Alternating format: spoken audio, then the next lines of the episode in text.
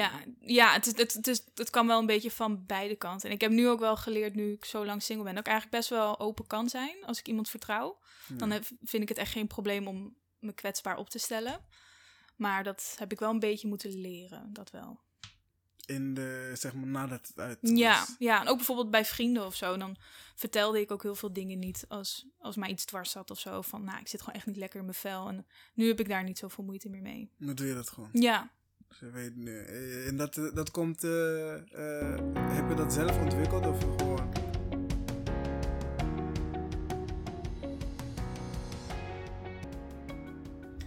Ja, goedenavond of middag, dames en heren. Welkom bij een nieuwe aflevering eh Diepgaan. Met Ibrahim nog steeds als de host. Vandaag heb ik ook weer een hele bijzondere gast voor jullie. Een hele trouwe luisteraar die eh, de podcast volgt vanaf het begin, denk ik. Mhm. Ehm, eh, Marissa, eh, ik moet mijn gasten altijd voorstellen, maar ik laat even de eer aan jou.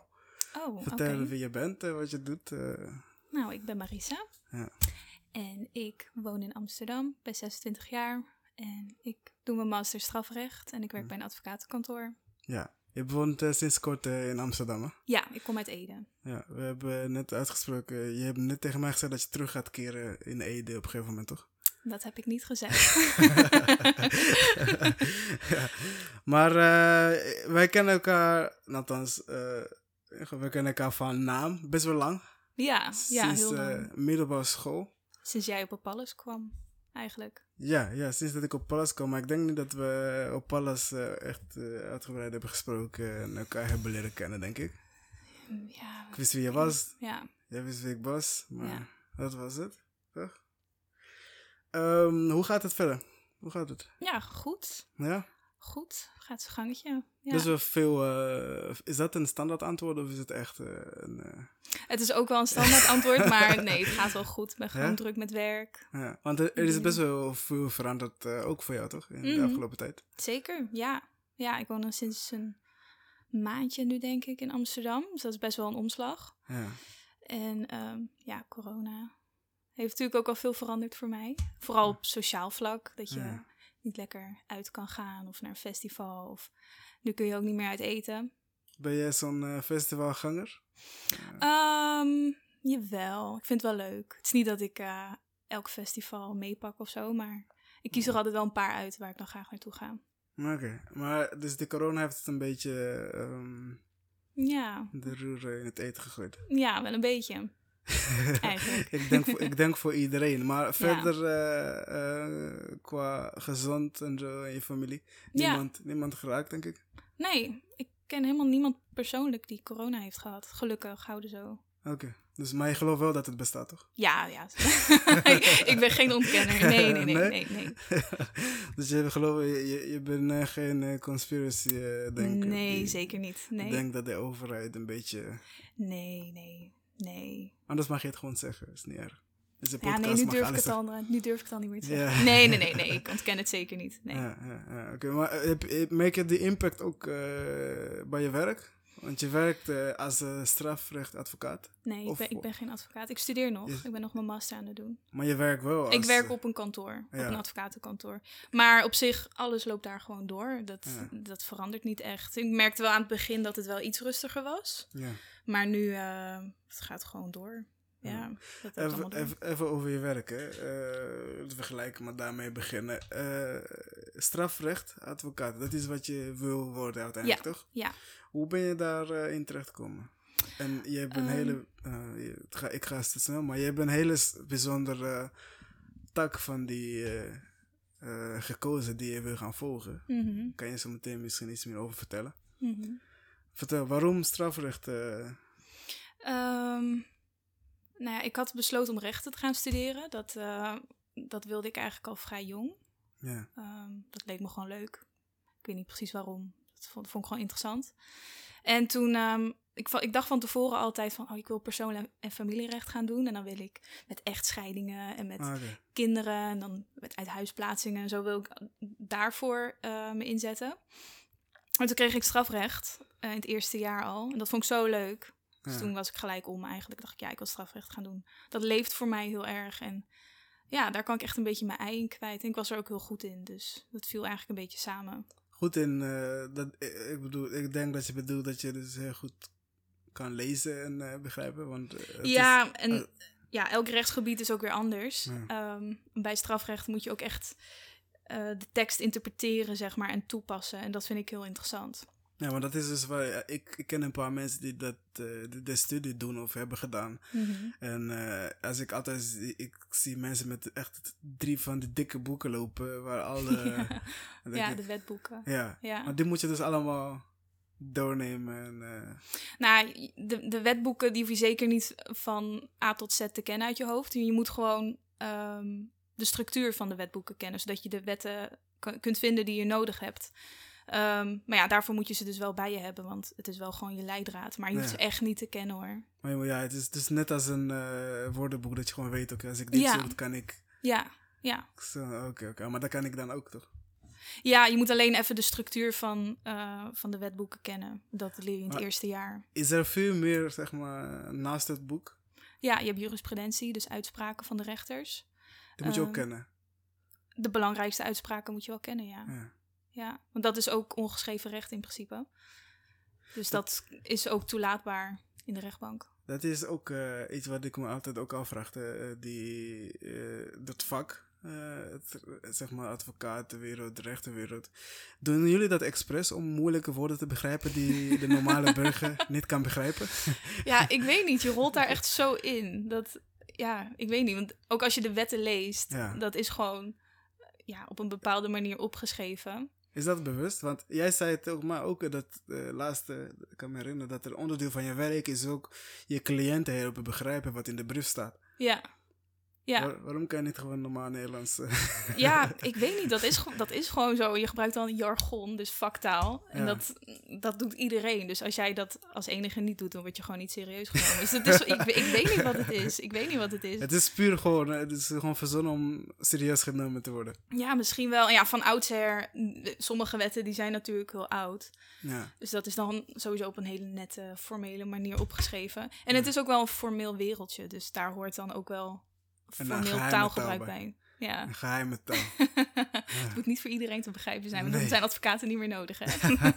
oh, dat is het. Ja, ja, nu, nu snap ik het, nu snap ik het. Maar jij wil, eh, uiteindelijk eh, is er eh, een tak die jou heel erg interesseert, toch? Die jij daar bent doen. ja, ik wil uiteindelijk officier van justitie worden. Ja. En ik zou het heel leuk vinden om mij dan vooral te focussen op terrorisme of ehm, criminele organisaties. Oké, oké. Ik dacht eh, dat je eerst eh, iets zei over vreemdelingenrechten. Ja, maar dat is niet strafrecht. Dat is Nee? niet strafrecht. Nee, dat is bestuursrecht. Oké, eh, dat Want is... dat is als ik wil zeg maar eerst advocaat worden en dan wil ik het liefst zeg maar hoe ik het in mijn hoofd heb, heb is dat ik dan strafrecht wil doen en ik wil me daarnaast specialiseren in vreemdelingenrecht. En dat kan samen met... ja, dat kan. Ja, dat kun je op de advocaatopleiding daarna. Kun je maar dat kan samen met officier, officier van justitie. Nee, nee, nee, dat is dan wel als, als advocaat, maar dat is echt een, nog echt een 20 jaren plan hoor, om Ah, officier van justitie Ah, te worden. Ik dus- wil eerst gewoon advocaat worden en dan En dan de gewoon daar. Ja, dat, en dat zou ik. later eh, Ja. officier van justitie. Ja, dus Wat doet, wat doet zo'n officier van justitie dan? Eh, Is het, eh, Die werkt voor het Openbaar Ministerie en die, ehm, ja, die hebben eigenlijk verschillende taken. Ze leiden het politieonderzoek als er een, eh, een strafbaar feit is gepleegd. ja. Ze doen onderzoek naar verdachten en dergelijke. En zij, ehm, zij staan eigenlijk voor de slachtoffers en wat er gebeurd is. En zij proberen dan ehm, ja, de rechter te overtuigen om tot een veroordeling te komen. Niet altijd overigens, want... ehm, maar me- meestal de officier van justitie, die werkt toch namens de overheid. Dus als iemand... Dus, Ja, het Openbaar Ministerie is wel onderdeel van de overheid. Klopt. ja, dus als, als, eh, als officier van justitie, dan kom jij eigenlijk... Dan wil jij voor zorgen dat die crimineel juist een hogere straf krijgt. Mm, niet per se, want de overheid heeft er ook geen baat bij om bijvoorbeeld een onschuldig iemand in de gevangenis te stoppen. Of Nee. iemand in de gevangenis te stoppen die misschien naar een TBS-kliniek moet of zo. Dus ehm, ja, de officier van justitie die probeert eigenlijk gewoon de best passende straf te vinden voor wat er gebeurd is en wie de verdachte dan Maar is. meestal is die dan wel tegen de advocaat van de verdachte dan toch? Ja, in principe wel. Ehm, een officier van justitie die besluit om tot vervolging over te gaan. En dan komt het bij een rechter. Ja. En nou ja, als een officier van justitie niet genoeg bewijs ziet in een zaak, dan gaan ze het ook niet eh, Nee, aannemen. voor, voor een rechter brengen. Ja. Dus meestal als het tot een rechtszaak komt, dan is de officier van justitie er wel van overtuigd dat die verdachte het gedaan heeft. Ja. Dus dan heb je eigenlijk wel, het is, mm, in de rechtbank is het vaak wel een pleidooi van de advocaat en de officier van justitie tegen elkaar, zeg maar. Ah, Oké. Eh, dat- het klinkt eh, ingewikkeld. Het is ook best wel een grote verantwoordelijkheid die je krijgt. Heel groot, ja. Je hebt echt heel veel verantwoordelijkheid als officier van justitie. Je leidt ook het politieonderzoek. Ja. Je kan machtigingen verlenen aan de politie. Bijvoorbeeld om een huis binnen te vallen of zo. Of om eh, mensen te arresteren en zo. Dus dat, dat, dat heeft echt impact op de mens. Dus Ja. dat is Denk, veel eh, denk je dat je dat eh, zou kunnen? Want ik vraag me ook wel eens af of de geweten van de advocaten soms niet een beetje jouw werk kan beïnvloeden. Stel voor, je moet iemand ehm, vertegenwoordigen waarvan je zeker weet dat hij het heeft gedaan. En Mhm. best wel iets afschuwelijk wat, wat jou eigenlijk ook misschien persoonlijk raakt. Mhm. Zou je diegene nog steeds kunnen verdedigen voor de, Ja, het ding is, je verdedigt niet de daad. Je verdedigt de, de persoon? verdachte. Maar als, eh, als iemand, eh zeggen, een kleinkinder verkracht of zo, die verdient de hoogste haalbare straf die er is. Voor, Mhm. als je aan mij vraagt. Maar als Mhm. advocaat moet je toch wel het minimaal mogelijk Nou, je moet niet. te. Het is wel belangrijk als advocaat dat je er zelf ook achter staat. Want ik ben van mening dat als.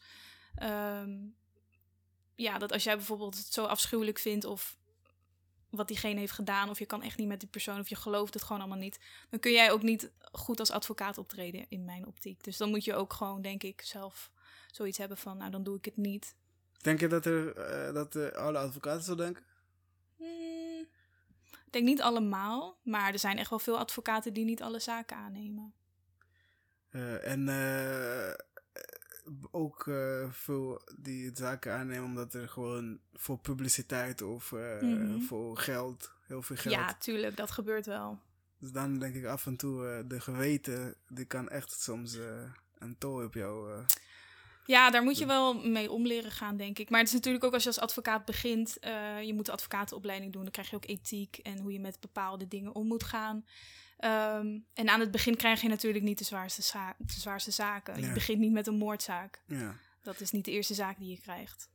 Ja, want eh, jij, jij bent nu ook eh, deels bezig met vreemdelingenrecht, toch? Ja, op het kantoor waar, wij, waar ik voor werk eh, zitten ook vreemdelingenrechtadvocaten, Ja. inderdaad. Is dat, dat, is, dat lijkt me ook een eh, best wel veel verantwoordelijkheid. Want je, je bent echt wel, of nee, in ieder geval, wat je doet kan ervoor zorgen dat iemand of terug is- wordt gestuurd of niet.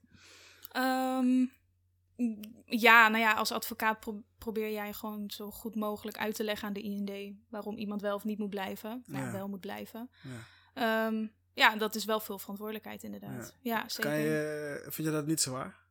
nou, ik, doe, ik ben er zelf niet direct bij betrokken natuurlijk, dus voor mij is dat niet... Oké, maar uiteindelijk moet je dat zelf eh, gaan doen, denk ik, als je klaar bent met studeren. Mhm. Ja, ja, zeker. Maar ja, daar, daar rol je een beetje in natuurlijk. Daar, je Dus je je kijkt mee, je, sta, daar groei je in, daar wen je aan. Ja, je, je, kan je, je kan jezelf ook losmaken van, eh, Jawel, jawel. van de zaken. Je neemt ze niet mee naar huis. Nee, nee. Of jullie doen, eh, jouw kantoorwerk, doen niet heel veel, eh, of heel van die, zit niet in de criminaliteit. Hoe bedoel je? Eh, doen ze ook criminele zaken of doen ze inderdaad Ja, we, hebben ook de- strafrechtadvocaten op kantoor. Oké. Ja. En dat eh, lijkt jou ook eh, later interessant of niet? Zeker. Ja, dat is wat ik wil gaan doen natuurlijk, strafrecht. Ja, Ja. En je zei dat je dat vanaf jongs af aan wil doen. Ehm, ja, nou, nou, vroeger, mijn eerste droom was om zangeres te worden. en toen kwam ik erachter dat ik niet kon zingen, dus dat heb ik toen eh, laten gaan. Kwam je er zelf achter of zei iemand dat tegen? Beide, beide. Ik had zelf nog wel de overtuiging dat ik het zou kunnen, maar nee. je, hebt auto, nee. je hebt autotunes tegenwoordig, hè? iedereen kan eh, Ja, zingen. misschien toch een carrière switch dan. Ja. Nee, nee, nee. Dus ehm, nou, dat heb ik toen laten gaan. En toen wilde ik altijd kinderarts worden. Maar ehm, toen kwam ik op school erachter dat ik heel slecht was in wiskunde en biologie. toen dacht ik, nou, gaat hem ook niet worden. En toen, ehm, ja, ik weet eigenlijk niet precies hoe dat is gegaan. Maar toen kwam ik eigenlijk al heel snel uit bij, bij rechten. Dat ik dat wilde gaan doen. Ja, dus eigenlijk ook best wel vroeg dan in de middelba middelbare school. dan. Ja, ik denk dat ik eh 15 of zo was. Toen, ik dacht zat je van- op VVO toch? Ja. Had je VVO gedaan? Ja, klopt. Hoe was, je- hoe was jij als, eh, als leerling op alles? Op Pallas. Ja. Ik weet nog, ik, af en toe zag ik je in de gang lopen met die fancy kleren, hoge haken. altijd, altijd netjes gekleed. Ja, klopt. Ja. Ehm, ik, ja, ik weet niet. Ik veroorzaakte nooit echt problemen, denk ik. Ik was best wel makkelijk. Ik, Ja. Het was ook niet dat ik per se heel stil en verlegen was.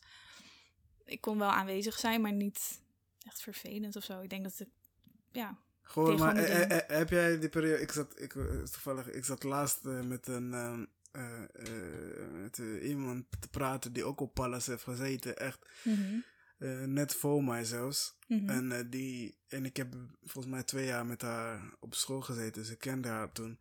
En toen, als ik haar zag, was het inderdaad een hele eh, leuk meisje, spontaan en dit. Maar echt, pas jaren later kwam ik achter dat ze best wel een kuttijd heeft gehad op alles. Oh. Als in heel erg gepest, heel erg uitgesloten. Oh, een eh, vriendengroep die haar... eh, je weet gewoon alle narigheid die erbij komt kijken Mhm. als je een beetje buiten de boot valt. Ja, ja. Ja. En ik vond het best wel bizar, omdat je dus op dat moment eh, is, lijkt, heeft, je ziet iedereen heen en weer gaan, maar je weet niet eh, eigenlijk wat, die persoon er zit. meemaakt. Ja, nee, dat, dat klopt inderdaad. Heb jij niet zo'n zo'n zulke ervaring? eh, Nee, ik heb het echt heel erg leuk gehad op, op, eh, de middelbare school Ja? eigenlijk. Ja, ik heb echt zes hele leuke jaren gehad. Ik ben ook, ook- nooit gepest. Dat was allemaal niet echt... was jij niet diegene die mensen aan het pesten was? Nee, misschien? nee. Ik kon wel, ik kon wel heel, heel hard zijn. Dat is ook wel eens tegen me gezegd. Ja. Maar ik, ik heb nooit gepest. Nee.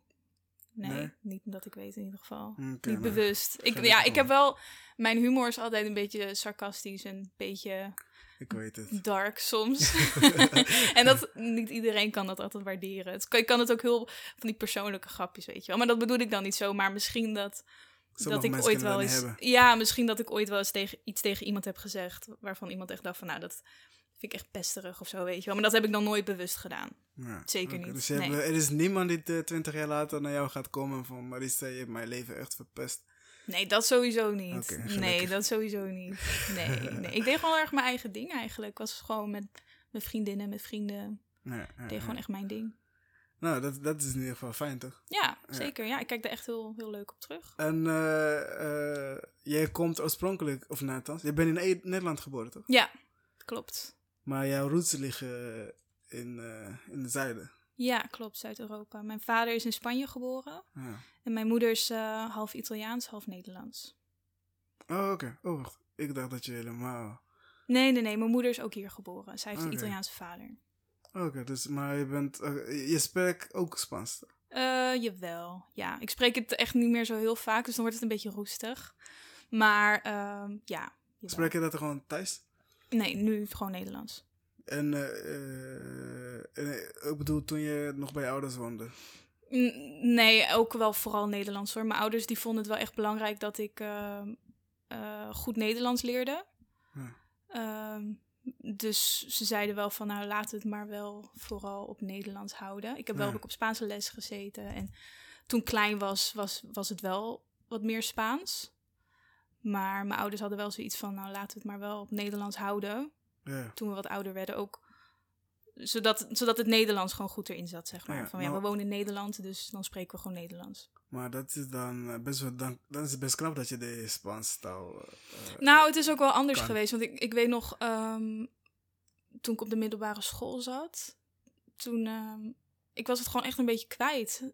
De hele taal eigenlijk. Ik kon het gewoon echt niet meer zo goed. ja, Ja, als je te lang niet spreekt, dan... dan want we het, spraken het gewoon echt bijna nooit. En ehm, Maar je moeder kan het ook niet, toch? jawel, jawel, mijn moeder kan Spaans. Maar ze is half Italiaans, half Nederlands. Ja, en ze hebben elkaars taal geleerd toen ze elkaar leren kennen, zeg maar. Mijn Oh. vader spreekt ook Italiaans. En mijn moeder heeft echt hardcore eh, lessen genomen. En Dat is best romantisch, toch? Ja, ja. En ze vertelde ook dat ze, ehm, dat ze vroeg aan mijn vader van... je moet alleen Spaans tegen mij praten. Dan antwoord ik in het Nederlands. En dan kon hij ook weer Ja. beter Nederlands leren.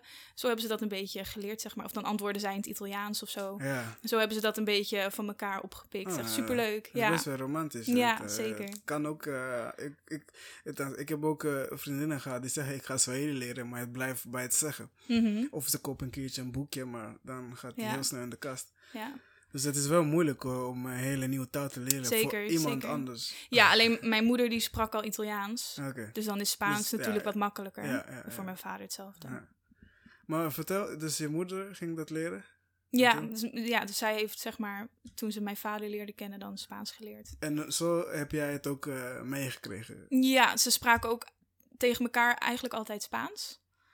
Ehm, dus dan, ja, dan pik je dat natuurlijk ook op. Tegen ons werd ook wel Spaans gesproken. Dus dat was, dat was altijd een beetje van alles wat. Ja. Eigenlijk. Maar op, toen, toen jij eh, erachter kwam dat je de taal kwijt was geraakt. Toen- Ja, toen, eh, toen dacht ik echt van, nou, dit vind ik echt niet oké. Dus toen ben ik echt weer veel ehm, Spaanse series gaan kijken, films, kranten lezen.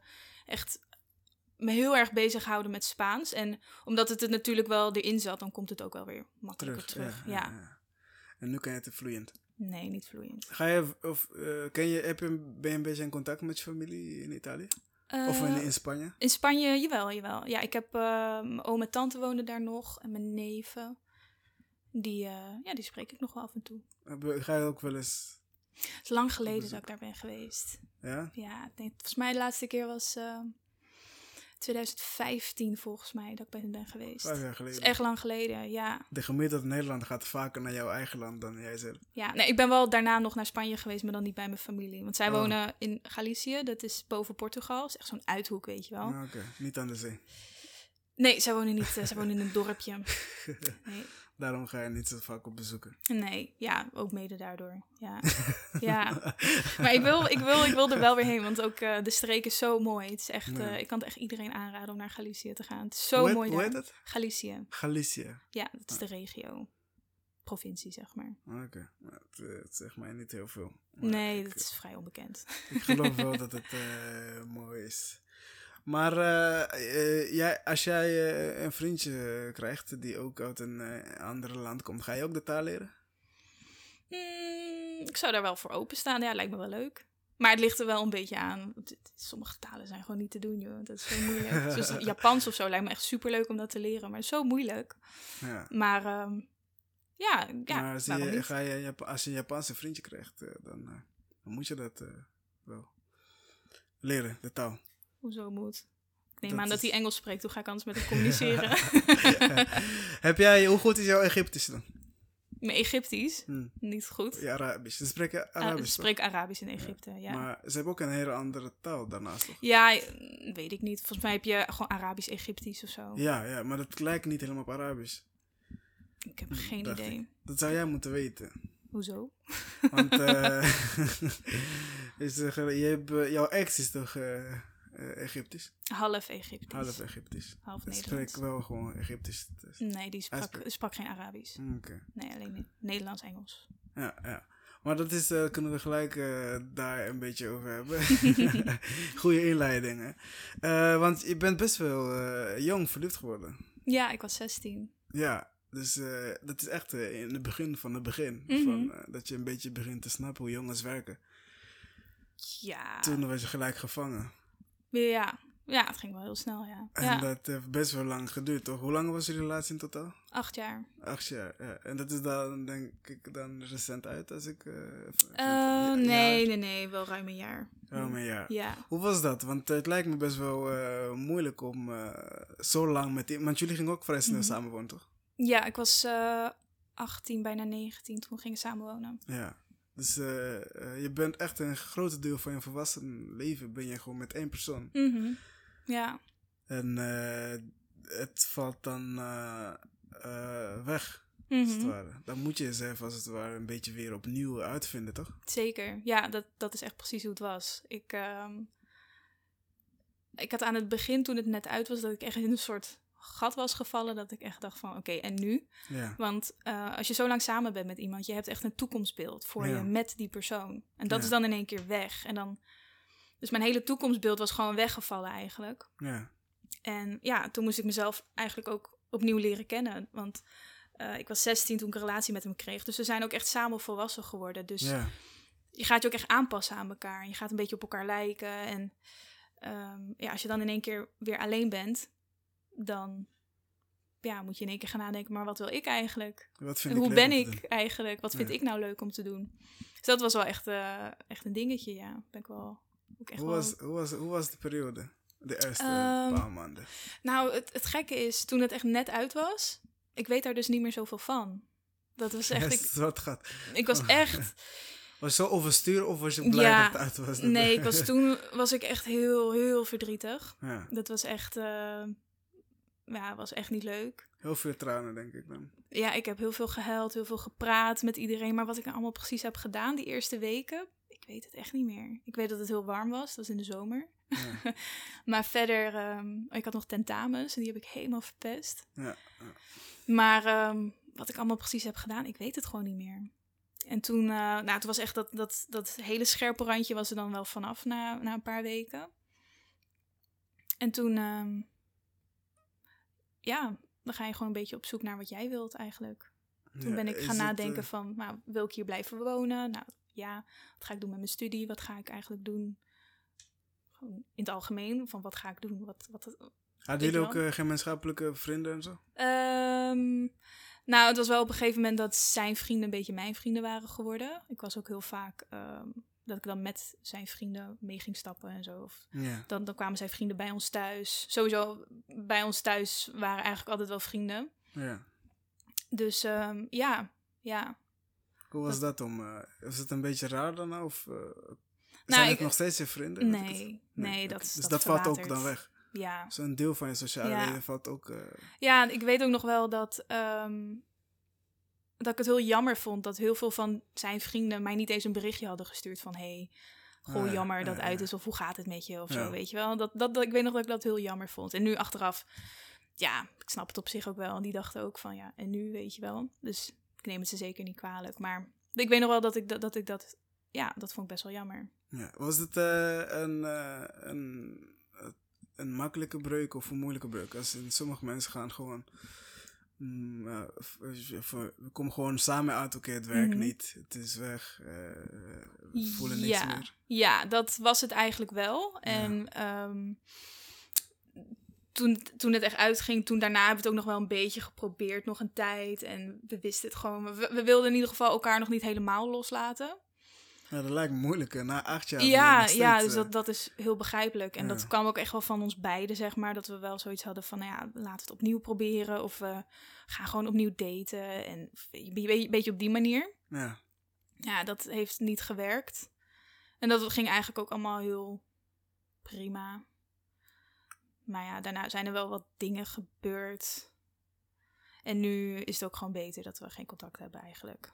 Gewoon eh radiostilte overal, ja, dat is goed. ja, Daar heb jij Ja. meer rust bij. ja, zeker hij ook. Eh, ik, heb, eh, ik heb ook een, zeg maar, een dergelijke situatie gehad eh, met mijn eerste ex. Dan ga je een beetje, ja, ik wil niet zeggen slecht uit elkaar, maar in ieder geval, Mhm. jullie, je hebt geen positieve gevoelens naar elkaar toe, laat ik, als ik het zo zeg. Ja, de eerste paar jaar ben je gewoon in, eh, Ehm, Mhm. of eh, af en toe, als je het naam hoort, dan denk je van het doet niks of je wordt boos of eh, je voelt iets. Maar op een gegeven moment verdwijnt dat ook. Dan voel je gewoon niks meer bij. mhm.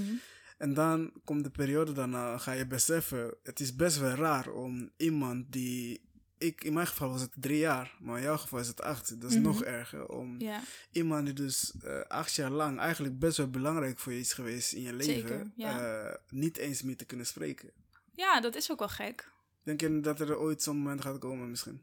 Mm, dat, Dat we wel weer met elkaar gaan Ja, dat je gewoon eh, elkaar gewoon het beste mag wensen. En ook gewoon... Maar ik, ik gun hem ook echt wel het beste. Dat, Ja. Mij ook, weet ik zeker. Nee, maar ook dat je ook gewoon normaal kan praten, zeg maar. Ehm, Of, we hebben geen, of misschien heb je nooit behoefte aan. Dat kan ook. Ik denk van, dat hoeft niet. Sommige mensen ik heb nu een beetje een punt bereikt dat het voor mij niet per se hoeft. Ja, Ik, is het eh, goed? ik hoop gewoon dat hij heel gelukkig is. Ja. En verder, eh, ja. Want we, we hebben wel geprobeerd om contact te houden en vrienden te blijven, maar dat is gewoon lastig als je zo lang samen bent geweest, Ja. denk ik. En Ja. ja, dus dan is het ook gewoon beter om dat dan ook maar, die deur ook Ja. maar dicht te gooien. Het kan ook een tijdje duren voordat het... eh, Ja, misschien dat ik volgend jaar eh, daar heel anders over denk. Maar voor nu denk ik niet dat dat erin zit. Nee, dat is ook prima. Eh, zijn er dingen die je eh, in die periode, eh, want, die je hebt geleerd, die je anders zou aanpakken? In je... In mijn relatie bedoel Ja, je? ja. Ehm, ja, jawel. Ehm, ja, ik, ja, ik, ja, ik heb sowieso heel veel ervan geleerd. Ehm, ook over mezelf. Want ja, als het uitgaat, dan word je ook een beetje gedwongen om te kijken van, maar wat is er fout gegaan? Ja, ja, precies. En ehm, aan het begin is het natuurlijk heel makkelijk om vooral vingertje te wijzen van, Mhm. het is allemaal zijn schuld. En, ehm, maar dat, ja, waar, En wijzen altijd drie vingers terug. Hè? Precies, precies. dus ik ben ook echt wel gaan nadenken van, goh, wat had ik anders kunnen doen? Ja. En ik had misschien ook, ja, ik heb echt wel dat Spaanse temperament, zeg maar. Nou, die kan ik misschien wat meer, meer in toom houden in de Ja. volgende relatie. Ja. Ah, maar hoe bedoel je in Spaans temperament? Word je snel boos of eh, Ik word echt niet snel boos, Ja. totaal niet. Maar als ik boos ben, dan ben je goed boos? ja, Ga je wife, kids. Kan, kan. Maar ik weet echt, schreeuwen is echt zo'n teken van onmacht, toch, eigenlijk. Mhm. Dus ik, maar ik kan, ja, soms kan ik het gewoon, ja, dan kan ik me gewoon niet inhouden. Ja, dan ga ik, ga ik schreeuwen of dan zeg ik dingen die ik niet meen, weet je wel. Ja, gewoon om diegene pijn te doen als je boos bent. Ja, en dan, ja, het is niet dat ik dan echt het ergste, dat niet. Ja, Maar ik kan wel vervelende dingen zeggen, ja. Ja.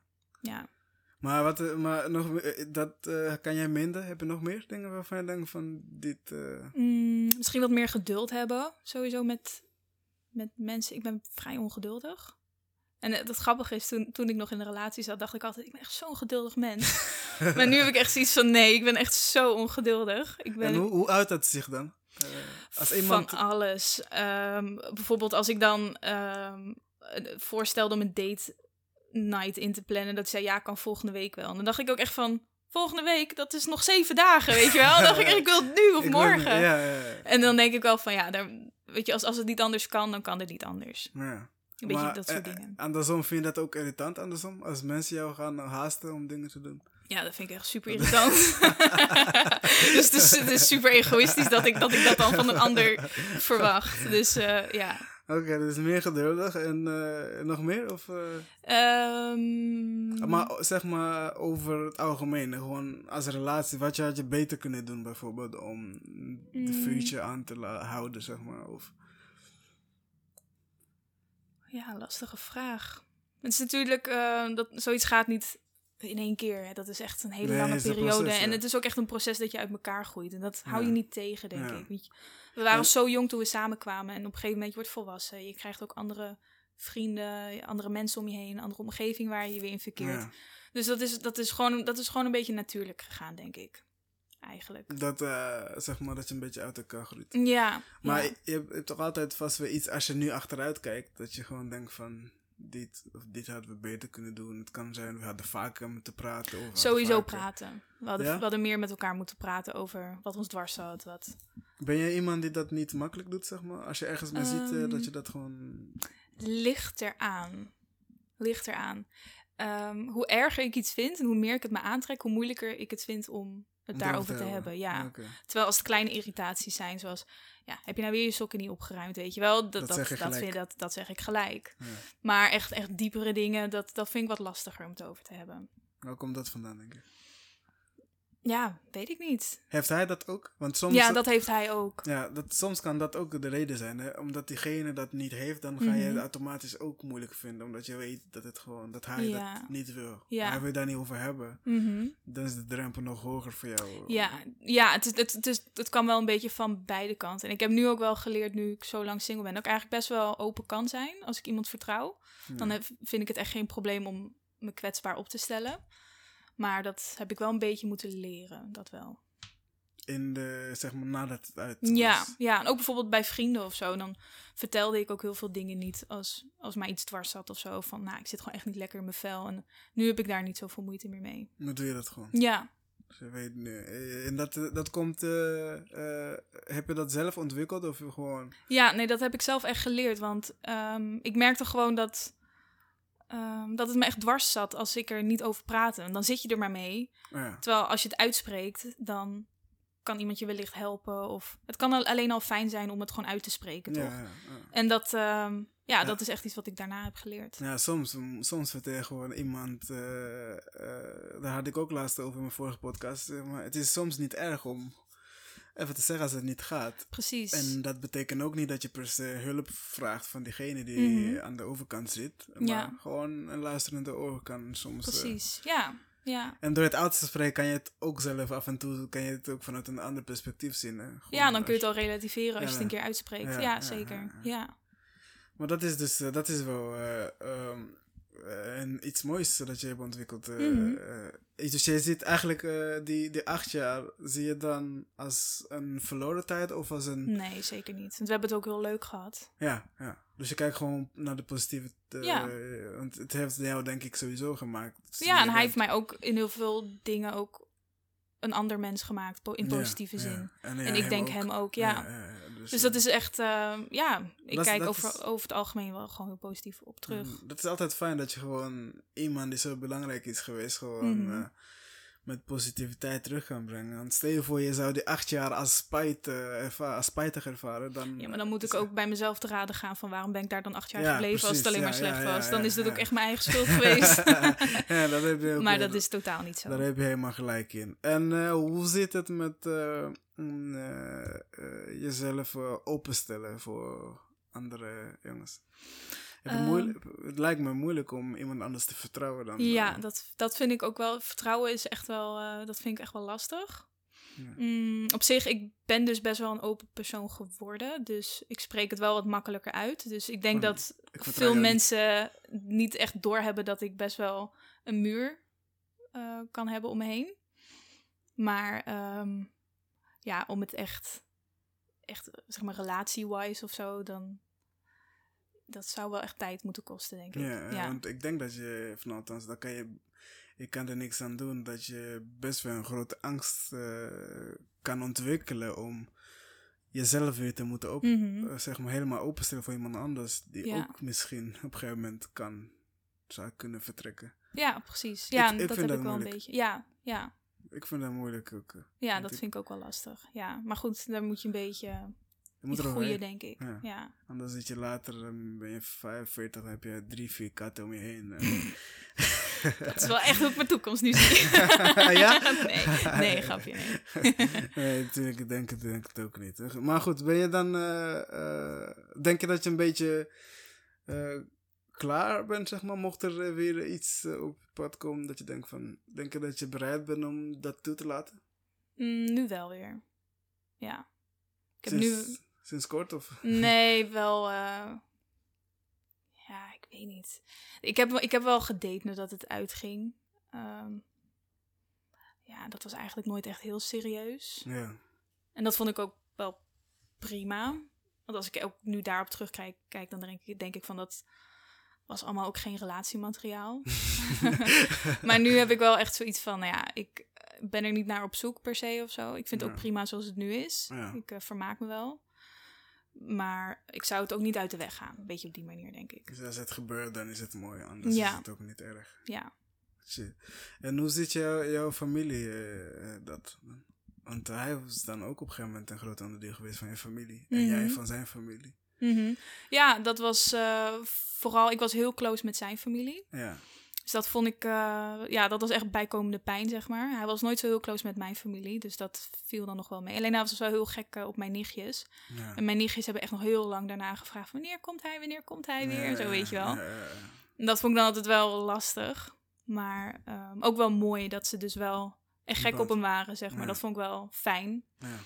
Maar ehm, ja, ja daar, daar moet je gewoon mee dealen. En zijn, zijn zusjes, dat, die spreek ik ook nog steeds. Dat, Ja. Ik moet zeggen, voor mijzelf, eh, ik vond dat ook een van de moeilijkste dingen. Ik denk ook dat een van de redenen dat de drum, die druppel om zeg maar eh, je relatie te durven loslaten hoog was, was omdat je, je bent op een gegeven moment ben gewoon bijna onderdeel van de familie, weet je. Ja. En eh, als je die persoon, als het uitgaat of je gaat uit elkaar, dan ga je ook uit elkaar met die familie, weet je. En ja. dat is best wel moeilijk, terwijl zij hebben niks gedaan. Althans, ja, precies. ze zijn nog steeds dezelfde Ja. mensen waar je Ja, plezier mee had. En dat moet je dan op een gegeven moment moet je dat. eh, loslaten. Loslaten. Ja, klopt. Ja, dat, dat, dat life. zijn vervelende dingen, maar dat hoort er helaas bij. It's life. Ja, precies. Ja, Ja.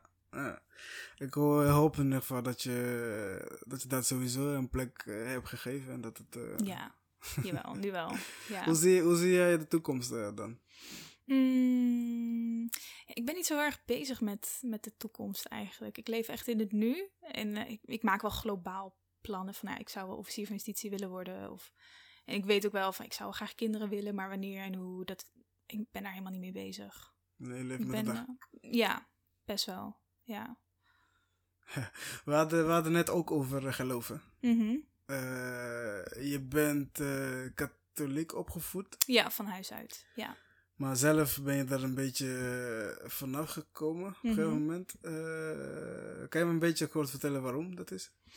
Ehm, nou ja, het is niet, sowieso niet dat ik ehm, vroeger met de Bijbel op mijn nachtkastje moest slapen of zo. Dat Nee. totaal niet. En ehm, mijn ouders hebben me sowieso altijd meegegeven van... Ja, je moet gewoon doen wat jij wil en waar jij in gelooft, zeg maar. Dus die vrijheid was er sowieso altijd heel erg. Ik heb wel echt ehm, het katholieke meegekregen. Ik ben gedoopt, ik heb communie gedaan... en ik zat op een katholieke basisschool. Dus Ja.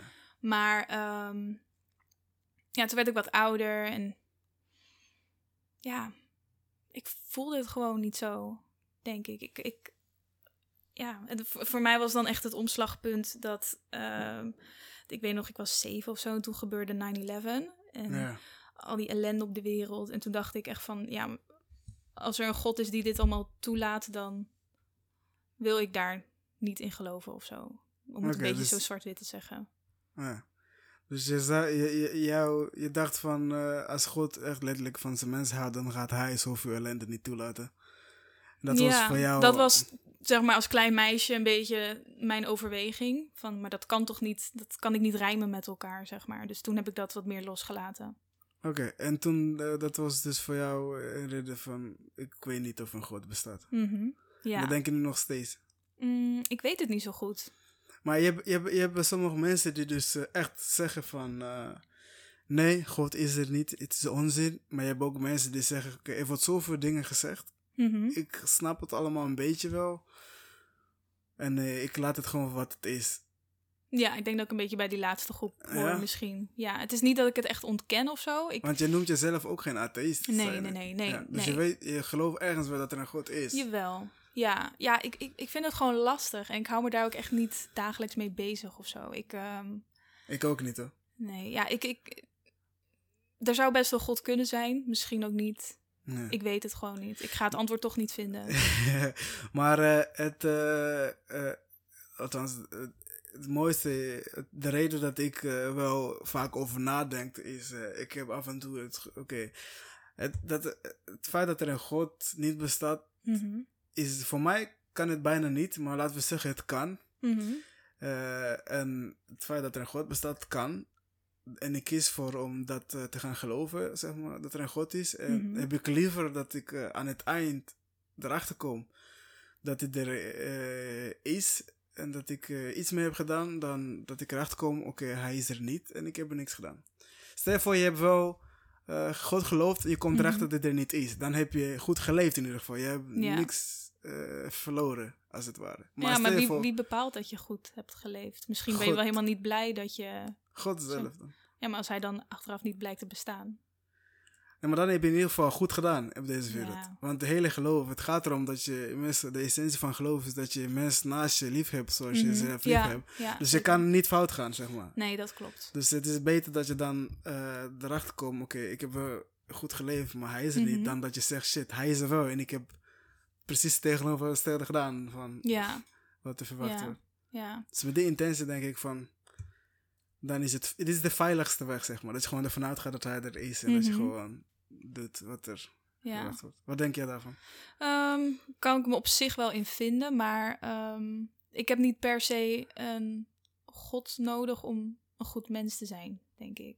Nee, uiteindelijk heb je dat, eh, de essentie is in jou gegraven. Dus je weet wel wat, die, ja, eh, wat goed is en wat slecht ja precies. En dat zijn sowieso standaarden waar ik bij leef. Ja, Eh, ondanks dat ik me niet vasthoud aan het katholieke geloof. ja. Dus ehm, ik, ik, ik weet inderdaad wat er bijvoorbeeld in de Bijbel staat en hoe zij verwachten, hoe er, hoe er verwacht wordt dat je, dat je leeft. Ja. En deels kan ik me daar ook wel in vinden, deels volg ik dat ook wel. Maar niet per se met de gedachte van, oh, want dat moet ik doen voor God of zo. Maar ehm, je hebt ook mensen die het geloof gebruiken als houvast. zeg Mhm. maar. Dat ze in, bijvoorbeeld in die periode dat je het even moeilijk had met je relatie en, eh, en dergelijke, dat je gewoon eh, iets hebt waar je naar kan grijpen, zeg maar. Mhm. Op zoek naar antwoorden of rust of wat het ook uh, is waar je nou zoekt op dat moment. Ja. Heb- Denk je niet dat je dat nodig hebt? eh, Nee.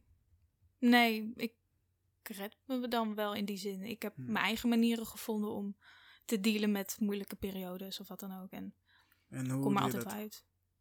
Ja, gewoon. eh, ik, eh, ik praat heel veel met anderen dan. Ik, eh, ik probeer gewoon voor mezelf heel erg uit te zoeken van wa- wat is het probleem, wat kan ik eraan doen.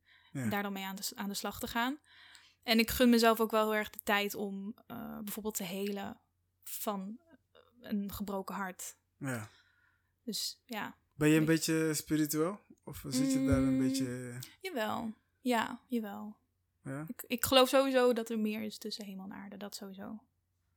In welke zin bedoel je, zeg maar? Dat er... Ja, ik, ik weet niet precies hoe. Ik, voor mij is het allemaal heel vaag. Maar ik geloof wel dat er meer is. Ik geloof ook niet dat als je dood bent, dat, je, dat er niks meer is.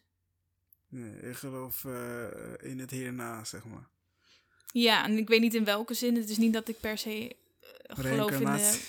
Nou, misschien wel. Het zou kunnen. Ik weet Dat- het niet. is terugkomen als een steen of als een leeuw. Ja, ja wie weet. Misschien, misschien wel. Misschien wel. Ja, ik, ik, ik weet het niet. Ik ben Ja. daar... Misschien vind je het ook niet interessant genoeg om daar Jawel, eens dat- even in te verdiepen. Dat kan ook. Jawel, ik vind het wel interessant. Maar Ja. ik ga het antwoord toch niet vinden. Dus... Dat weet je niet. Als je niet zoekt, dan weet je kan je het antwoord sowieso niet vinden. Nou ja, ik heb echt wel ook een beetje. Ik, ik, heb, ik heb wel wat onderzoek gedaan. Ehm, maar ja, het is het gewoon allemaal niet echt voor mij per se. Nee? Nee. Eh, hoe, sta, hoe sta jij, zie jij in leven? Sta je als een optimist in of als een pessimistische? eh, Ik kan wel heel optimistisch zijn. Dat, ja, kan, maar de te- basis is... Nou, ik ben wel vrij optimistisch, maar soms een beetje te optimistisch dat ik al denk van ja, dit, dit is gewoon Hoe- niet zo. Hoe bedoel je te optimistisch? Ja, ik heb altijd nog hoop, weet je wel. In de mensen of in alles? eh, ja, in het algemeen wel. En dan, dan toch altijd word je weer teleurgesteld. En denk misschien moet ik dat to- toch een beetje bijschaven. zo altijd zo positief zijn. ik neem aan dat het niet, dit niet over mannen gaat, toch? Die jou teleurstellen in je leven. Nee hoor, Ook, totaal niet. nee, het is gewoon een beetje het algemeen. Ik ben best wel positief. Jawel. Ja? Ja. Dus, maar die positiviteit, is dat dan iets wat je... eh, kan je dat er ergens naar herleiden? Zeg maar? Mm. Nou, ik, ben, denk dat ik altijd wel vrij positief ben geweest. Eh, eh, het is weer een andere... voel, je, voel je jezelf een Nederlander? Of eh voel je jezelf meer een Spanjaard? Mm, allebei en geen van beide. Ik voel me gewoon.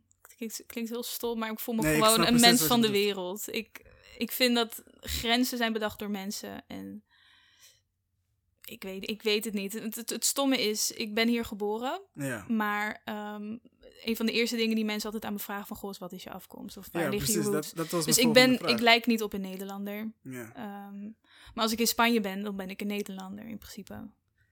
Dat was meteen mijn vervolgvraag daarop. Is eh, hoe zien mensen jou hier, zeg maar, in Nederland?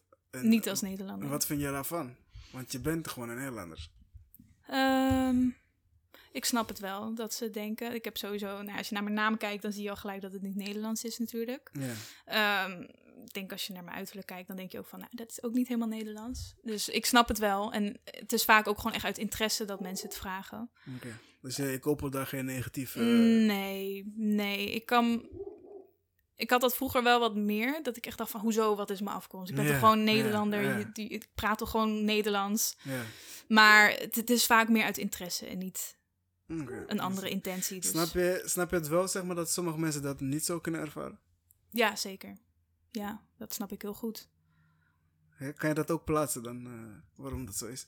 Hoe bedoel je? Kan je, dat, kan je dat plaatsen, zeg maar? Als ik bijvoorbeeld eh, eh, heel lang in Nederland ben en eh, er wordt constant gevraagd waar ik vandaan kom. En Mhm. ik, op een gegeven moment vind ik dat niet meer chill. Denk ik van, Nee, snap ik. Ja, nee, dat kan, kan ik me heel goed voorstellen. Want Waarom, waarom denk je dat mensen dat doen? dat vragen. Ja. Of nee, waarom, mensen, waarom denk je dat mensen dat op een gegeven moment niet chill meer vinden om te horen van, joh, waar kom je vandaan? Nou ja, omdat je elke keer dan weer ervan wordt herinnerd dat je geen Nederlander bent. Ja. Heel Terwijl, veel- maar waar, dat, het is niet eens relevant, die vraag, vind ik. Of je wel of geen Nederlander bent. Nee, ja. Ja nee, soms is het wel interessant om Tuurlijk, iets, iets meer zeker. Zeker, en over, om over cultuur te praten, zo Ja, vind ik ook ja. allemaal heel interessant. Maar ehm, vooral als het een van de eerste dingen is die aan je gevraagd Ja, wordt. ja. Dan denk ik echt van, Wat, wat wil je daarmee doen? Wil je Ja. gelijk in een hokje plaatsen? precies, zodat je wordt echt in een hokje geplaatst inderdaad. En dat vind ik wel een beetje jammer, want ja, ik zie dat niet per se zo. Voor mij is dat niet belangrijk in ieder geval. Heb jij ook veel eh, buitenlandse vrienden?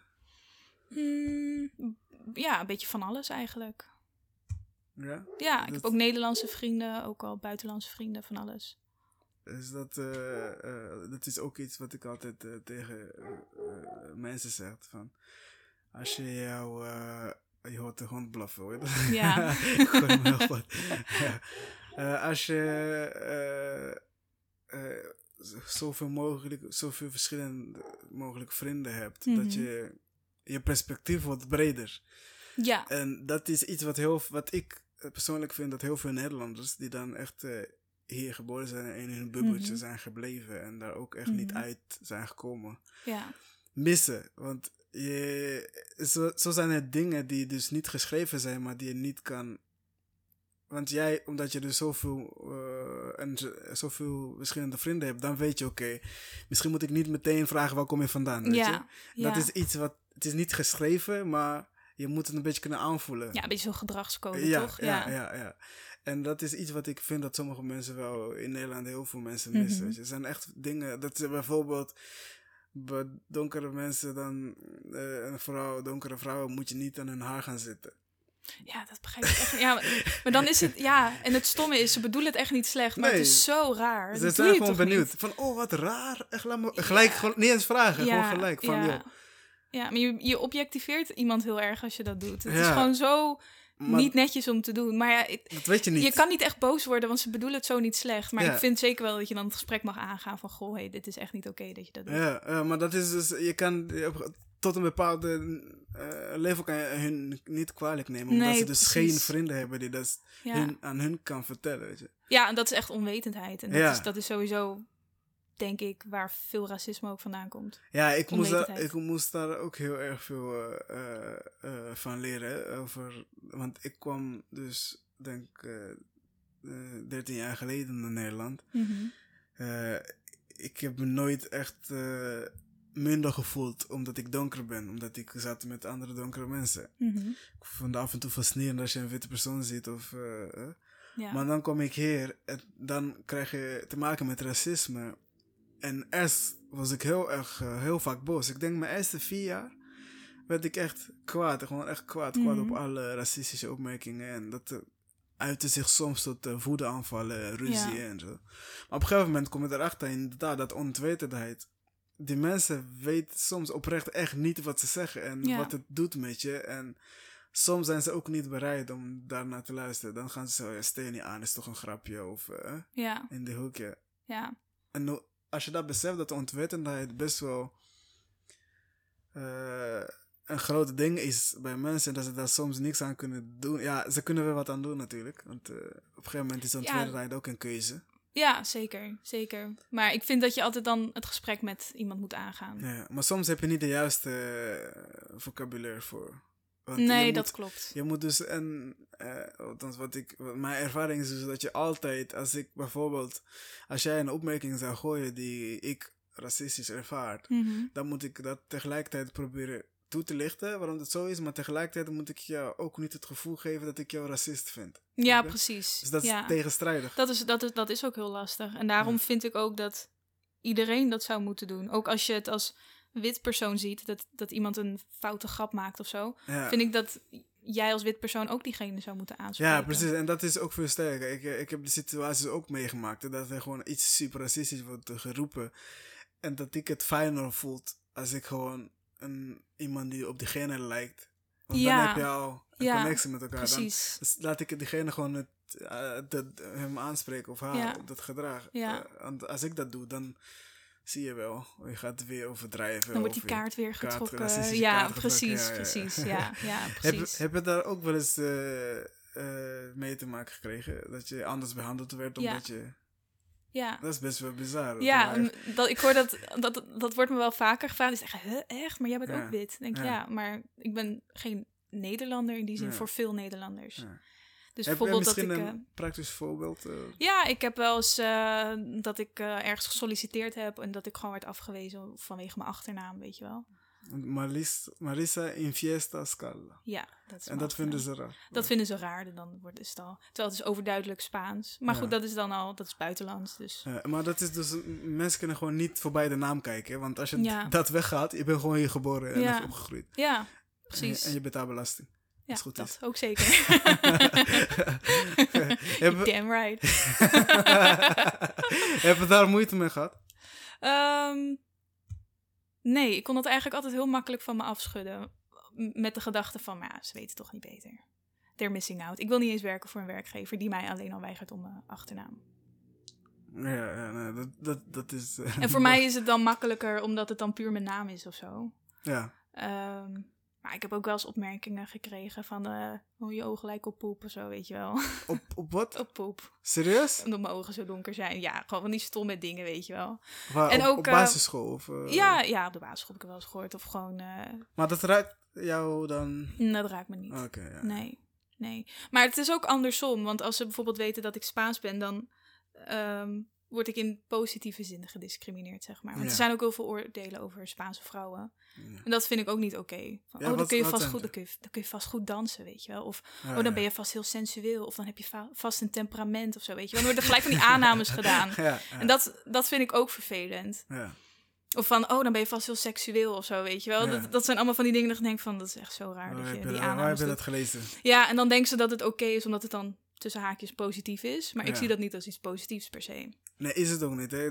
Die positieve discriminatie, dat... eh, Dat is eh, net zo vervelend. Ja, voor, maar dat, om dat eh, te beseffen hoe vervelend het is, moet je wel een bepaalde volwassenheid hebben. Want het Mhm. kan ook als een compliment overkomen. Ja, ik vind het echt geen compliment. Nee, nee, maar, nee, maar ik bedoel, jij zelf. hè. Je Ja, moet zeg maar ja. volwassen zijn om te beseffen dat het geen compliment Ja, is. precies, ja. Ik, ik zeg dat omdat ik, eh, toen ik eh, dus ook net in Nederland was, op een gegeven moment ga je snel door die schooltrajecten heen, weet je. Mhm. Je doet je, je MAVO, je doet je HAVO, weet je. Mensen Ja. zien ja ook, dit is best wel een serieuze jongen. Dus ik heb heel vaak die complimenten gekregen. Oh, je bent niet het, je bent gewoon anders, weet je. Je bent gewoon serieus. Dan denk ik, en voor, voor een tijdje heb ik het als een compliment gezien. Oh yeah, ja, ik ben eh, goed bezig. Ja, ja. Maar ik op een gegeven moment ga je denken, oh wacht even. Dus Maar wat zeggen ze nou eigenlijk? daarmee bedoel je dat gewoon, dat ik bij voorbaat al slecht ben. Tenzij Ja. ik mezelf bewijs. Precies. Jij hebt 1-0 achter, omdat jij moet Ja. laten zien dat je Ja, anders ja. bent. Precies, het gaat niet vanuit dat ik gewoon niet eh, op straat loop te blowen en Precies. dingen aan het jatten ben. Je gaat ervan uit dat ik dat doe. En als ik dat niet doe, dan krijg je een compliment. Precies. Dat is eigenlijk nergens op slaat. Nee, dat is echt super scheef. ja, maar dat- dus- ik, ik weet niet. Het zit echt een beetje in, in de mens om in hokjes te denken. Of Ja, je, moet- je, je, je- die groeperingen, die doe je... Ja, die hoort bij die, die hoort Ja, bij die. Het is een beetje zelfbescherming ook. eh, ja misschien. Ik, weet- ik, weet niet wat, ik weet niet wat het is. En iedereen heeft het ook. Ik, heb, ik, ik had vroeger ook vooroordelen over, eh, eh, je weet van die hardstyle jongens toch? Oh Met, ja, met gabbers. hoofd. Ja, ja, ja, precies. Ik dacht altijd, ze zijn allemaal racisten, 100%. Mhm. Totdat ik echt gegeven moment in de klas kwam te zitten met één ervan. En dat was de chillste jongen. Echt, Oh ja? dat ik, ja. Oh, wat leuk. Ja. Ja. ik dacht eerst in het begin echt gewoon kale hoofd, van Mhm. eh, Nike jasje, van die Air Max. Oh ja, gewoon de- typisch. ja, precies. En ik dacht, ja, dit wordt niet mijn type mens, Ja. denk ik. En eh, op een gegeven moment eh, begin je te praten, hoe gaat het, waar kom je vandaan, En dan interesse. Daar moet je wel voor openstaan. Want er zijn ook heel veel mensen die ook die vooroordelen hebben, maar die niet openstaan voor het gesprek. Ja, die gaan gelijk afsluiten. Ja, precies. Want ik vind wel... Kijk, iedereen heeft wel eens vooroordelen. Daar ontkom je niet aan. Daar ben je mens voor, denk ik. Maar je moet er wel voor openstaan om, ehm, om je mening te laten veranderen door iemand. Ja, Je mening kan veranderd worden. Dat, dat is, dat is oké, want je, je hebt niet overal altijd gelijk in. Maar je moet wel je mening kunnen bijstellen en openstaan voor het gesprek. Ja, als, je, de- eh, eh, als iedereen dat, dat kon doen, dan eh, Was de wereld een mooie plek was geweest. de wereld Ja. zeker een mooiere plek geweest. Want dat is het altijd het probleem. Als je, mensen zien hun vooroordelen als, als feiten gewoon. Mhm, zeker. Ja, ze- alle donkere mensen zijn lui. Alle Marokkanen zijn dieven. Ja. Alle- ja, ja nou precies. Zo kun je over elke bevolkingsgroep wel iets roepen. Ja. En het, wij onderling hebben die mensen ook een vooroordelen naar elkaar. Hè? De, Mhm. de Marokkanen van de bergen hebben eh, vooroordelen over Arabieren. Eh, Ja. Dus de Surinamers hebben oordelen over Antillianen. Antillianen Het komt nou, overal voor. Het Ja, komt overal dus- voor. Het eh, we- ik, ik vraag me wel eens af wie ooit zo'n vooroordeel start en wat voor intenties mensen daarbij hebben. Ik denk, Ja. als je erover nadenkt, is denk meestal puur zelfbescherming, weet je. Dat je gewoon... Ja, en toch vaak ehm, wat vreemd is, is raar. Ja, Toch? ja, dat is ja. dan vaak het oordeel wat we eraan hangen. Als het, als het vreemd is, dan is het raar. Dan, als ik het niet ken, kan het- is het het beste zo waarschijnlijk. Ja, ja. Ja. ja. Ja. Maar dat vind ik wel. Ik vind het eh, wel. eh, kijk, ik kan voor mij begrijpen waarom. Nou, begrijpen. Het, ik kan het plaatsen waarom mensen mij zouden discrimineren. Maar Mhm. iemand zoals jij. Je bent gewoon echt een Nederlander. Je bent hier geboren, Zeker, getogen. ja. Je vermoeden is gewoon Nederlands. eh, dat het Ja. voor jou ook best wel een dingetje kan zijn. Als je dat Mhm. constant eh, op die manier zou blijven Ja. ervaren. Ja, en zo zie je maar hoe toch ook hier in Nederland hoe diep geworteld racisme kan zitten. Ja, ja, dus wat heel veel mensen niet weten. Heel veel mensen zeggen van, ja, we zijn toch niet eh, net als in Mhm. Amerika. Ja, nee, misschien niet zo naar buiten, maar die constitutionele racisme daaronder, overal. die is eh, nog diep geworteld in Nederland. Ja, Zo diep dat mensen niet, niet eens weten dat het er is. Zo. ja precies. Kijk, in Amerika heb je dan dat er nog wel veel over gesproken wordt. Maar Ja. hier in Nederland wordt er toch wel veel onder het tapijt geschoven, vind Ja. ik. We En willen het er gewoon niet over hebben of zo. Eh, ja, vooral ook eh, heel veel mensen die, eh, eh, die denken als ze horen racisme, dan verwachten ze echt dat je in je gezicht wordt uitgescholden, weet je. Dat je wordt opgehangen en nu gescholden. Dat is voor Mhm. hun racisme. ja, Maar dat van, oké, deze moeten tien keer solliciteren, terwijl die andere maar één keer hoeft te solliciteren, Mhm. dat zien ze niet echt eh, als nee. echte racisme. nee, terwijl klopt. dat ook niet zo erg is. Ja, je wordt gewoon eigenlijk afgerekend op je naam of om hoe je eruit ziet. je wordt gewoon afgeremd in de maatschappij Ja, om vooruit te komen. Precies, En- precies. Ja. Ik was laatst ook een, eh, een artikel aan het lezen over eh, eh, zeg maar de verschillende fasen van racisme in Amerika. Hoe ze Mhm. dat steeds zijn gaan renoveren. Want racisme is Ja. echt eh, heel vaak gerenoveerd in Amerika. Eh, begonnen Ja. ze met echte slavernij. Ja. Toen begonnen ze met de onderdrukking. En toen begonnen ze met police brutality. En Mhm. toen begonnen ze met werkonderdrukking, huizenonderdrukking. Dus dat zijn elke keer zijn er andere manieren. En naar de buitenwereld lijkt het alsof het... Oh, weet je, ze worden niet meer opgehangen. Of ze zijn geen slaven. Het is opgelost. Kijk hoe goed het gaat. Ja, het is opgelost, ja, maar ja. Dat is niet hoe het werkt meestal. Nee, En dat is moeilijk om uit te leggen. Ja, ja dat, nee, dat heb je goed verwoord. Ja, dat denk ik ook. Ja, En vooral, meestal, de reden dat het soms moeilijk is om uit te leggen, is omdat mensen gelijk zich aangevallen voelen. Mhm. Dus ja dat is het eh, ook. Zodra je gaat zeggen van dit is discriminerend of dit, is, dit klinkt racistisch, dan is het gelijk, dat is echt een heel groot woord. ja, zeg maar, ja, dus- ja. Dan is het gelijk, eh, dan gaan ze gelijk in bescherming. Terwijl Ja, dat, ja, ja. soms hoeft dat niet eens. Soms is het gewoon genoeg Ja. om te luisteren en Precies. even te reflecteren. ja. en als dat- iemand zegt van nou deze opmerking die jij maakt is racistisch, dat betekent niet dat, jij dan als persoon racistisch ja, bent. Dat betekent dat je dat die opmerking, dat, jij, jij bent niet die opmerking, toch? Dus ik, dat, dat moet ook een beetje losgezien worden. Die onderscheiden kunnen is ook moeilijk Ja, je moet dat onderscheid kunnen maken. En dat, dat is ook heel lastig. Dat snap ik. Maar Ja. en daarom denk ik dat het goed is om erover te, blijven praten. Ja, ja, ik denk dat dat heel belangrijk is. En daarom ben ik ook heel blij dat er dit jaar echt wel meer gesprek op gang is gekomen op dat gebied. En ik denk dat we dat zeker moeten blijven doen. Ja, ik denk ook dit jaar is echt een eh, zo'n eh omslagjaartje Ja. jaartje geweest voor heel veel dingen. ja, iedereen maar- is gewoon zat. Ja, ja, en dat ook. eh, er was ook. eh, ik, ik, ik las laatst een statement van. ehm, wie nu geen kant kiest, kiest ook een kant. Mhm. Dus als je nu echt nog steeds niet weet waar je staat, dan Ja. heb je ook al gekozen. Ja. En ik, ik denk oprecht dat die punt bereikt is. Er is zoveel zoveel informatie, zoveel te zien en zoveel wat je neus Precies, voorbij komt. Als je nu nog steeds niet een kant kan kiezen, dan, eh, Dan zegt dat ook wat. dan kies je gewoon zelf voor om... eh, Ja, ja nee, daar ben ik het helemaal mee eens. Ja. Ja. maar goed, het is een mooi, het is een mooi jaartje om... eh, Het is dan nog naast- iets, naast- eh, ja, corona. positiefs, soort van. Nu moeten nog veranderingen ook echt daadwerkelijk komen. Ja, ja, maar pff, ja, het heeft eh, racisme en eh, discriminatie is duizenden jaren gaande. Ik denk niet dat het in Ja, is opgelost. Nee, zeker niet, zeker niet. Maar goed, het gesprek is in ieder geval een beetje opengebroken. Ja, ja, ja. Het is wat makkelijker, denk ik, om erover te praten met witte mensen. ja. En ook over white privilege en zo. Want heel veel mensen hadden ook niet door dat dat überhaupt bestaat. ja, veel mensen weten niet eens wat het is. Nee, precies. Dus ik ben wel blij dat... eh, en dat er ook heel veel mensen zijn die zich daar ook wel bewust van zijn Ja, ja, ja, ja, precies. Van, nou, daar, ik heb inderdaad white privilege. Ja, vooral eh, wat, wat ik merk is inderdaad onze generatie. Ja, Dat is de generatie die het. eh, vooral, en ik heb dan over de generatie. Kijk, de, zeg de generatie Z. Dat is Mhm. zeg maar in de jaar 2000. Die Ja. zijn nog bezig met Instagram en zo. Die, eh, ja. die tot een bepaalde hoogte boeit het niet veel. Maar vooral de, de Millennials. Ja, de millennials van Ja. 90, die dus echt de heftige racisme hebben meegemaakt. En ook een deel van de verandering hebben meegekregen. Dat is Mhm. de generatie die dus zeg maar zo goed vanuit beide kanten dingen kan bekijken. En denk dat dat ook de generatie is die het kan veranderen. Ja, Of ja. een positieve invloed op kan hebben. ja, en wij zijn ook de eerste generatie die echt eh, volledige toegang tot het internet kreeg. Dus wij kregen in één keer heel veel in- informatie op ons af van allerlei verschillende kanten.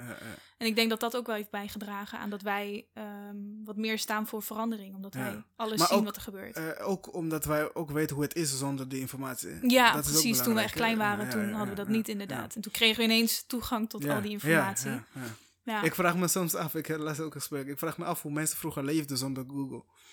Ja, dan had je echt van die encyclopedieën en zo, hè. Dan moest je... Google Maps en zo. Dan, ik zou, als je ergens naartoe moet, hoe Ja. moest je daar komen? Nou, ik weet nog, wij gingen dan eh, een keer met de, met de auto op vakantie naar Italië. Met En toen had, eh, had mijn moeder, die zat dan naast mijn vader, die aan het rijden was. En dan had ze echt zo'n hele grote landkaart van Europa. En dan, eh, ja, we moeten hier dan die snelweg. En als je dan de verkeerde afslag nam, dan moest je echt stoppen om te kijken van... Oké, hoe moeten we nou weer terug op de goede weg en zo. Nou, dat was Oh, verschrikkelijk. Ik ben zo blij dat... eh, ik zou dat echt niet kunnen, hoor. Ik weet niet waar we zouden eindigen, maar niet eh, op de goede plek. Eh, Nee, ik denk het ook niet. Ik kan me niet voorstellen. Ik kom niet eens in de volgende dorp. Hier kom ik niet zonder Precies. Google Maps. Laat staan in een hele andere land. Ja, ja, En je moet nog terug, hè? En je moet nog terug, inderdaad. ja.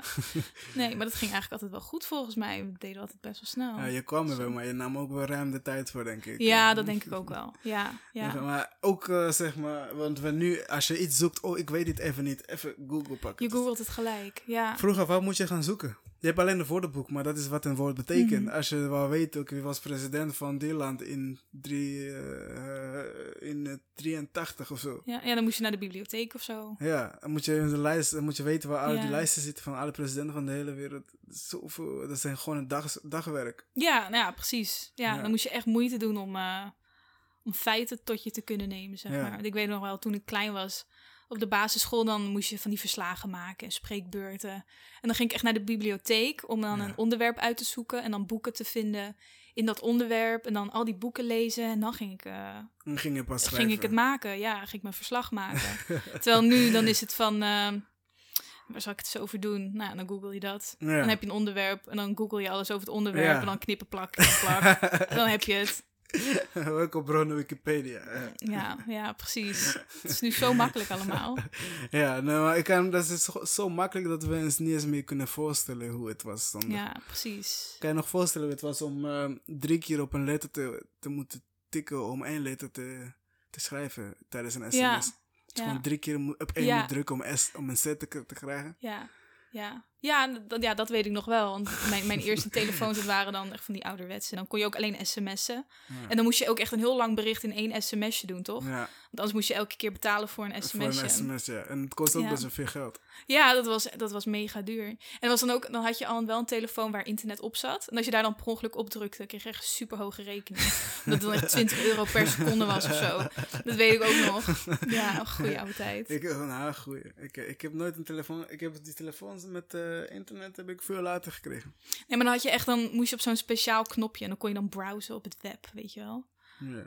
Ja, zo'n telefoon had ik. En die zat heel dicht bij, bij mijn sms-knopje. Dus dan drukte ik per ongeluk op internet. En dan ging ik op het internet. En dan liep Nee, die natuurlijk nee, nee, vast. En dan Ja. wil ik zo snel mogelijk afsluiten. En denk oh nee.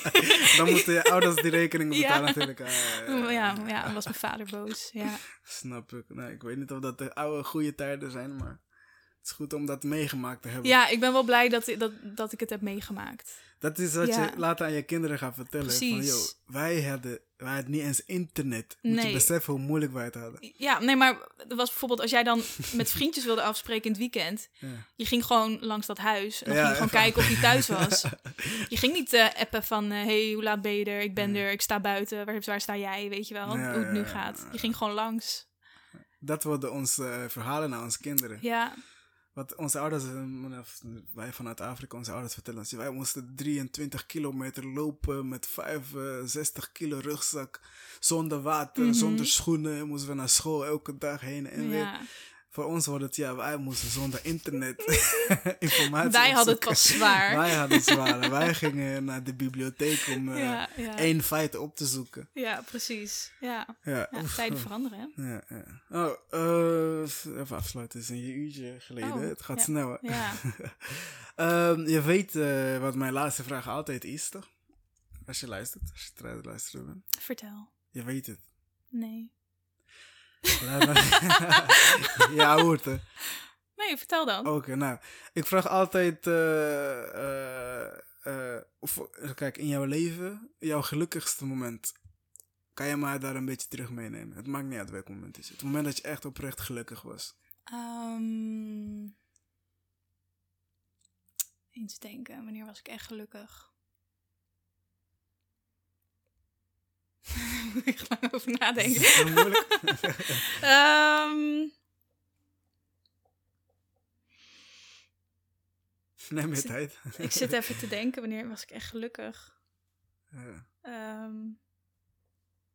moeten we heel erg graven dan. hè. ik denk, het was een moment vorig jaar. Ik was in Barcelona. Oké. En ik was gewoon een beetje zo om me heen aan het kijken en zo. En ik had ineens zo'n warm gevoel van thuiskomen. Van dat ik thuis was of zo. In Spanje? Ja, het was in Barcelona. En het was lekker Ah. weer. En ik was lekker sangria aan drinken. En ja, ik, toen werd ik echt ineens overvallen door zo'n geluksmoment. Dat ik echt dacht van, ik ben zo blij dat ik hier mag zijn. Ja. ja. En Eh, dat, dat, ja, dat vond ik echt heel, heel mooi. Oké, dus eh, dan nemen we dat als jouw gelukkigste moment. eh, Ja. Nu. Dat is dan een 10. Ja. Eh, welke heb jij ook eh, de meest ongelukkig moment in je leven? Die je nu kan terugbrengen? Ja, ik denk eh, toen ik eh 19 was. Ja. Toen was ik, ehm, of 18, 19. Ik was net geslaagd voor het VWO. En toen gingen mijn ouders emigreren naar Sicilië. Oké. En ja, toen moest ik uit huis, ik ging samenwonen. En ik was zo ongelukkig. Ik voelde me zo in de steek gelaten. En toen, Door je ouders? Ja, ja. En toen eh, denk ik dat dat wel echt een van de meest ongelukkige momenten in mijn leven is geweest. Ja. Ja. Ehm, Oké, dan is het eh, dat een 1. Ja. Eh waar sta je dan nu op dit moment? Ehm, ik denk. Ik denk dat ik op een eh 6,8. Nee, een 7. Laten we toch afronden naar 7. Ja, 7. Ik, ben, ik ben op zich wel gelukkig. Ja. Ehm, op zich gaat alles wel goed. Ik ben blij dat ik eh, in Amsterdam woon. Echt een goede stap geweest. ja. Maar ik. eh, ja, soms mis ik toch wel wat. Wat dat dan precies is, weet ik niet. Daar kom ik vast nog wel achter. Ik heb het gevoel dat er nog iets ontbreekt. Ja, en ook sowieso, ik ben het studeren wel echt zat. Ik, eh, ik heb wel echt zin om, om gewoon aan de slag te gaan, zeg Ja, maar, fulltime. Ja, ja. Want je hoeft alleen maar je scriptie nog op te sch- schrijven. Ja, klopt. Ja, Dus grootste, ik ben dichtbij, ik ben ja, dichtbij. het finish is in zicht. Ja, ja, ja. En ik denk ook als ik dat eenmaal heb afgerond en ik ben echt gewoon echt mijn carrière aan het maken en zo, dat... eh, Dan kun je stappen maken. ja, Dus precies. Ik denk dat, eh, dat dat me nu een beetje blokkeert in mijn geluk. Oké. Ja. Ah, nou, dat, dat is dan wel mooi, omdat je dat eh, in beeld hebt, toch? Wat je Mhm. moet doen om... eh, Ja, eh, ja. Uh, dankjewel voor je tijd. Ja, uh, ik vond het een leuk gesprek. Ja, ik ook. En uh, ik vond het wel jammer dat je de laatste vraag niet kende. Want dat betekent dat je niet tot het eind luistert. Niet altijd. maar dat vergeven we jou gewoon. Gelukkig. ik hoop dat jouw 7 heel snel een 10 mag worden. Ja, en, hoop ik ook voor jou. Wat, dat dit mijn dat jouw geluk een 10 is. Ja, ja, nee, ik hoop het ook voor mezelf. Ik gun het mezelf ook. Ja, goed zo. ik gun het jou ook. Dank je. Uh, dank je voor je tijd. Geen probleem.